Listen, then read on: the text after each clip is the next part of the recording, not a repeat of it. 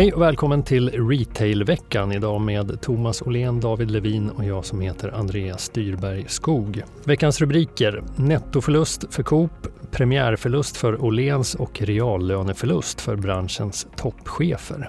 Vi börjar med en stor kartläggning. Thomas Åhlén har spårat upp vad som hänt med alla 162 nettobutiker som Coop-butiker och stormarknader köpte 2019 av Salling Group. Hur ser facit ut egentligen Thomas? Det ser ut som så att det är väldigt, väldigt många butiker som har lagts ner sedan eh, Coop Coop butiker och stormarknader och de regionala och eh, lokala Coop-föreningar runt om i landet tog över det här beståndet. Eh, och det var ju knappast någonting som Coop såg framför sig när man eh, celebrerade den här affären då i, i maj 2019 utan mm. Eh, det måste ju ses som ett rejält bakslag att eh, man har känt sig tvingade att stänga en så stor del av beståndet.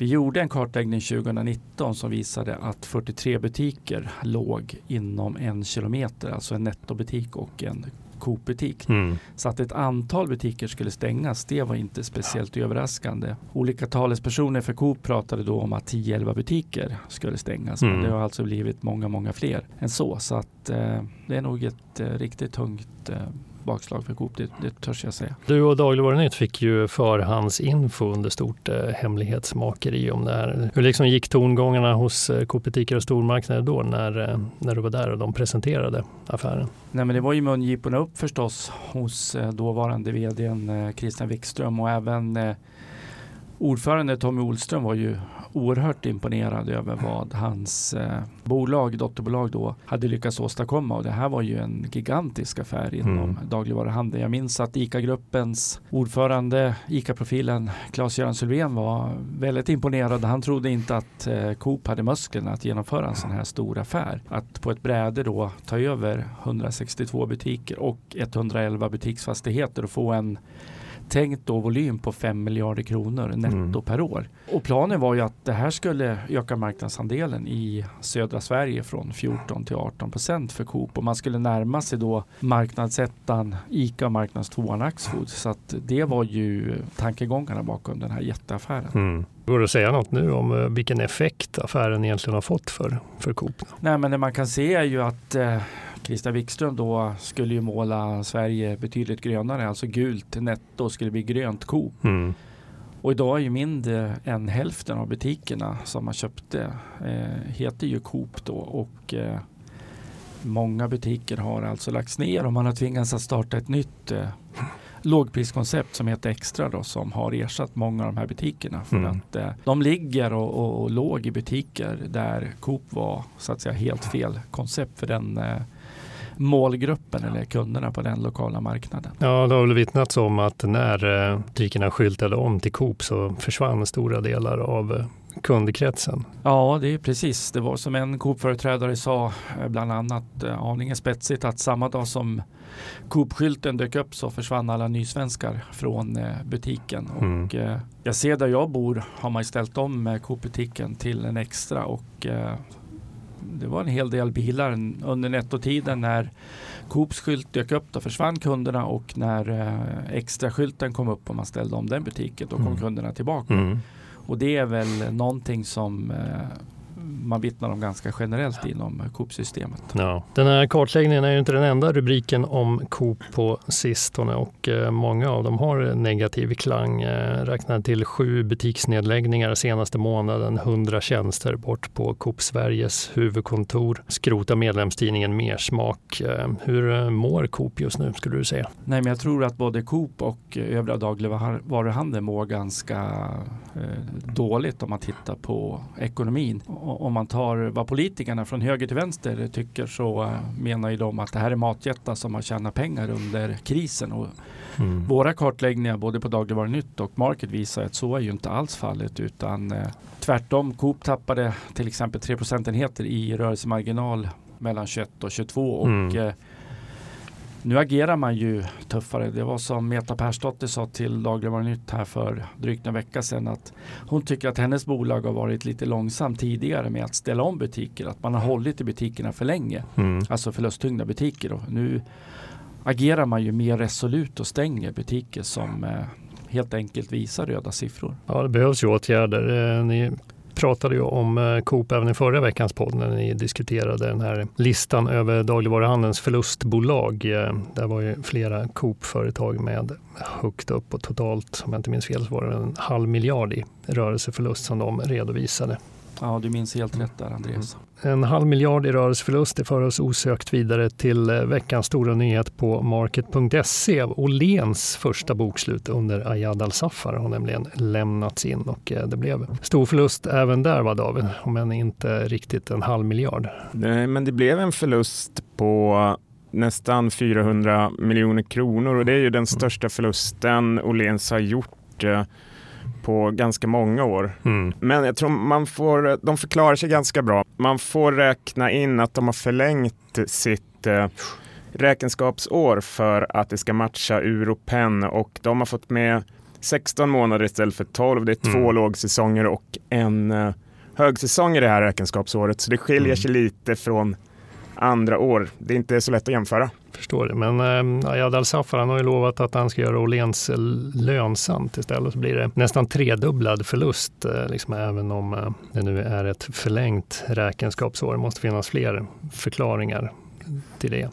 Ja, de skyller på problem med flytten av deras centrallager Mm. som de har flyttat till Rosersberg norr om Stockholm. Det har varit logistikproblem där säger de, ganska stora i mm. samband med flytten.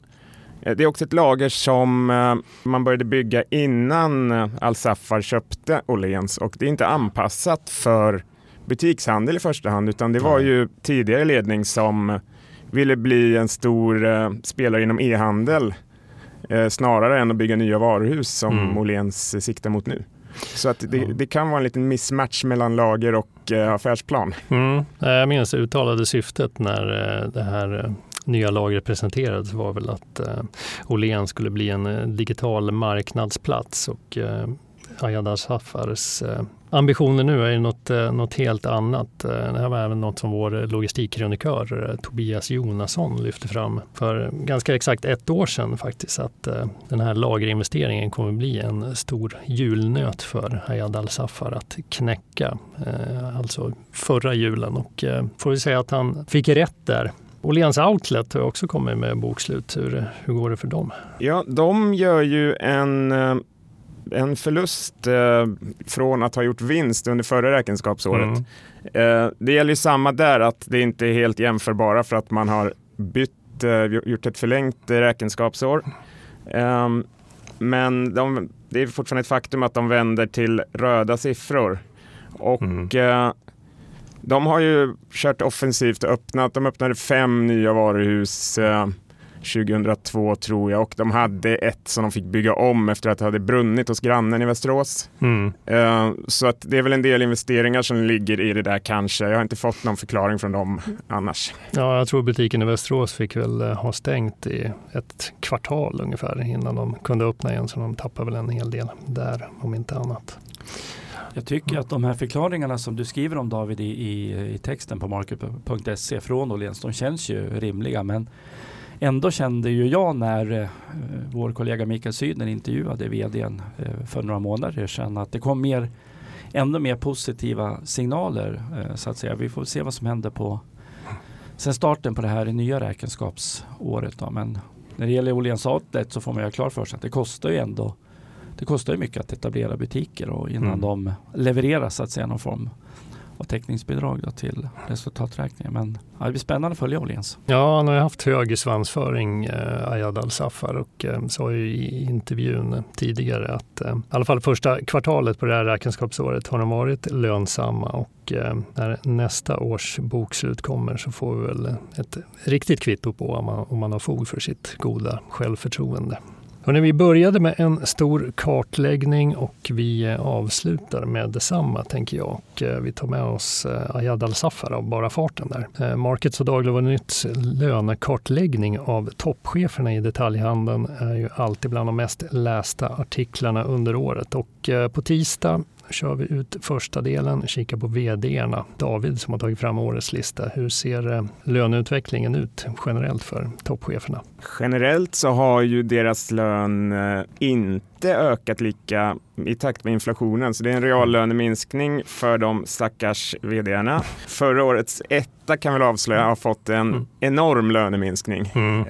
um, om man jämför då med siffrorna från 2021.